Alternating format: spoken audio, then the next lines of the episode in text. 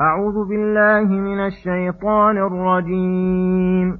يا أيها الذين آمنوا ليبلونكم الله بشيء من الصيد. ليبلونكم الله بشيء من الصيد تناله أيديكم ورماحكم ليعلم الله من يخافه بالغيب فمن اعتدى بعد ذلك فله عذاب أليم يا أيها الذين آمنوا لا تقتلوا الصيد وأنتم حرم ومن قتله منكم متعمدا فجزاء مثل ما قتل من النعم يحكم به يحكم به ذوى عدل منكم هديا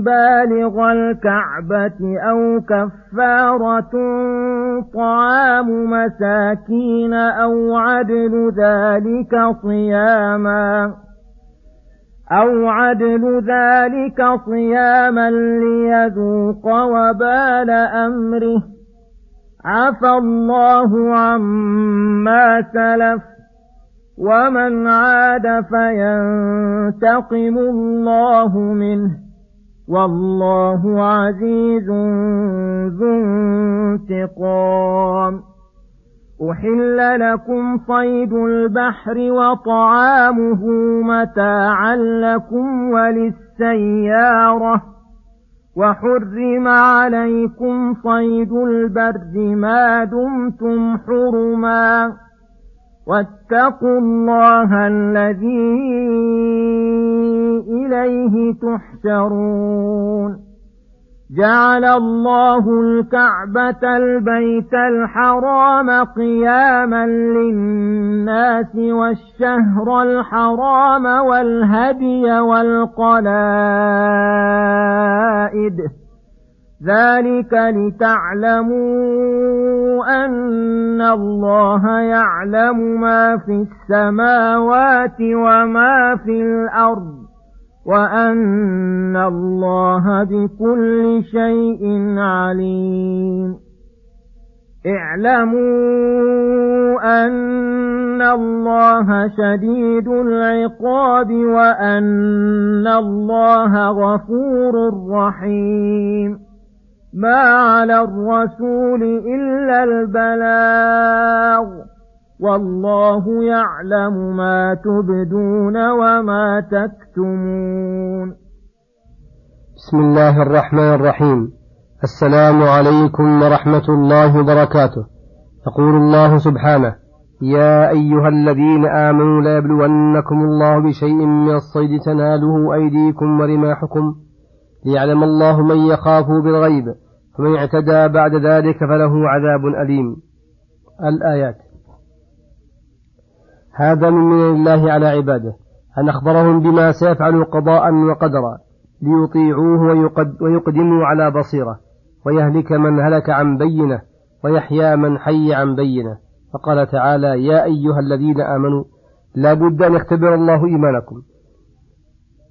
ليبلونكم الله بشيء من الصيد أي بشيء غير كثير فتكون محنة يسيرة تخفيفا منه تعالى ولطفا وذلك الصيد الذي يبتليكم الله به تناله أيديكم ورماحكم أي تتمكنون من صيده ليتم بذلك الابتلاء لا غير مقدور عليه بيده بيد ولا رمح فلا يبقى للابتلاء فائدة. ثم ذكر الحكمة في ذلك الابتلاء فقال ليعلم الله علما ظاهرا للخلق يترتب عليه الثواب والعقاب من يخاف بالغيب فيكف عما نهى الله عنه مع قدرته عليه وتمكنه فيثيب الثواب الجزيل ممن لا يخاف بالغيب فلا يرتدع عن معصية تعرض له فيصطاد ما تمكن منه. فمن اعتدى منكم بعد ذلك البيان الذي قطع الحجج وأوضح السبيل فله عذاب أليم أي مؤلم موجع لا يقدر على وصفه إلا الله لأنه لا عذر لذلك المعتدي. والاعتبار بمن يخاف بالغيب وعدم حضور الناس عنده. أما إظهار مخافة الله عند الناس فقد يكون ذلك لأجل مخافة الناس فلا يثاب على ذلك. ثم خرج بالنهي عن قتل الصيد في حال الإحرام فقال يا أيها الذين آمنوا لا تقتلوا الصيد وأنتم حرم ومن قتل منكم متعمدا فجزاء مثل ما قتل من النعم يحكم به ذوى عدل, ذوى عدل منكم هديا بالغ الكعبة أو كفارة طعام مساكين أو عدل ذلك صياما ليذوق وبال أمره. عفى الله عما سلف. ومن عاد فينتقم الله منه والله عزيز ذو انتقام. يا أيها الذين آمنوا لا تقتلوا الصيد وأنتم حرم أي محرمون في حال الح... أي محرمون في الحج والعمرة والنهي عن قتله يشمل النهي عن مقدمات القتل وعن المشاركة في القتل والدلالة عليه والإعانة على قتله حتى إن من تمام ذلك أنه ينهى المحرم عن أكل ما قتل أو صيد لأجله. وهذا كله تعظيم لهذا النسك العظيم. أنه يحرم على المحرم قتل وصيد ما كان حلالا له قبل الإحرام. فقوله ومن قتله منكم متعمدا قتل صيدا عمدا فعليه جزاء مثل ما قتل من النعم أي الإبل أو البقر أو الغنم فينظر ما يشبه من ذلك فيجب عليه مثله يذبحه ويتصدق به والاعتبار مما تله يحكم به ذوى عدل منكم أي عدلان يعرفان الحكم ووجه الشبه كما فعل الصحابة رضي الله عنهم حيث قضوا بالحمامة شاه وفي النعامة بدنة وفي بقر الوحش على اختلاف أنواعه بقرة. هكذا كل ما يشبه شيئا من النعم ففيه مثله. فإن من لم يشبه شيئا ففيه قيمته كما هو القاعدة في المتلفات. وذلك الهدي لا بد أن يكون هديا بالغ الكعبة أي يذبح في الحرم أو كفارة طعام مساكين أي كفارة ذلك الجزاء طعام مساكين أي يجعل مقابل المثل من النعم طعام يطعم المساكين. قال كثير من العلماء يقوم الجزاء فيشترى بقيمته طعام فيطعم كل مسكين مد بر أو نصف صاع من غيره. أو عدل ذلك الطعام صياما أي يصوم عن إطعام كل مسكين يوما ليذوق بإيجاب الجزاء المذكور عليه وبال أمره. عفى الله عما سلف ومن عاد بعد ذلك فينتقم الله منه. والله عزيز ذو انتقام. إنما نص الله على متعمد على متعمد لقتل الصيد مع أن الجزاء يلزم متعمد والمخطئ كما هو القاعدة الشرعية أن المتلف للنفوس والأموال المحترمة فإنه يضمنها على أي حال كان إذا كان إتلافه بغير حق لأن الله رتب عليه الجزاء والعقوبة والانتقام وهذا للمتعمد. وأما المخطئ فليس عليه عقوبة إنما عليه الجزاء. هذا قول جمهور العلماء. والصحيح ما صرحت به الآية. أنه لا جزاء على غير متعمد كما لا إثم عليه ولما كان الصيد يشمل الصيد البري والبحري استثنى تعالى الصيد البحري فقال أحل لكم صيد البحر وطعامه أي أحل لكم في حال إحرامكم صيد البحر وهو الحي من حيواناته وطعامه وهو الميت منه منها فدل ذلك على حل ميتة البحر متاعا لكم وللسيارة أي الفائدة في إباحته لكم أنه لأجل انتفاعكم وانتفاع رفقتكم. الذين يسيرون معكم. وحرم عليكم صيد البر ما دمتم حرما. يؤخذ من لفظ الصيد أنه لا بد أن يكون وحشيا لأن الإنسي ليس بصيد. ومأكولا فإن غير المأكول لا يصاد. ولا يطلق عليه اسم الصيد. واتقوا الله الذي إليه تحشرون. أي اتقوه بفعل ما أمر به. وترك ما نهى عنه.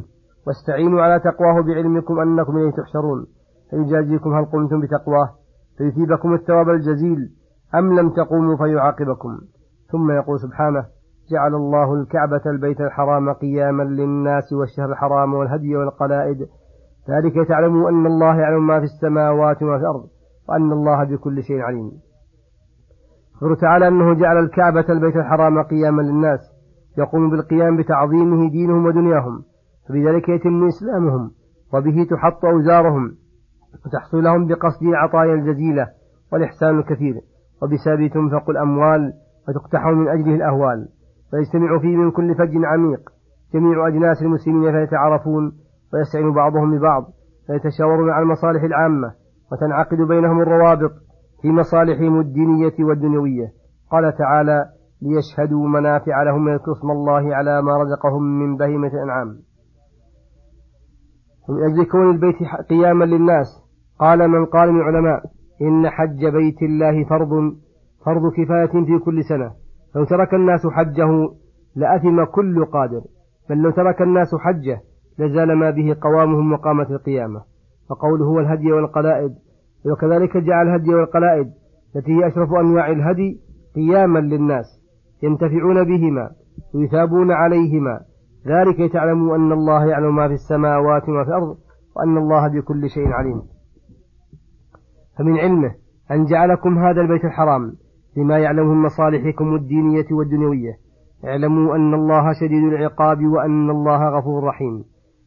ليكن هذان العلمان موجودين في قلوبكم على وجه الجزم واليقين. تعلمون أن الله شديد العقاب العاجل والآجل على من عصاه وأنه غفور رحيم لمن تاب إليه وأطاعه.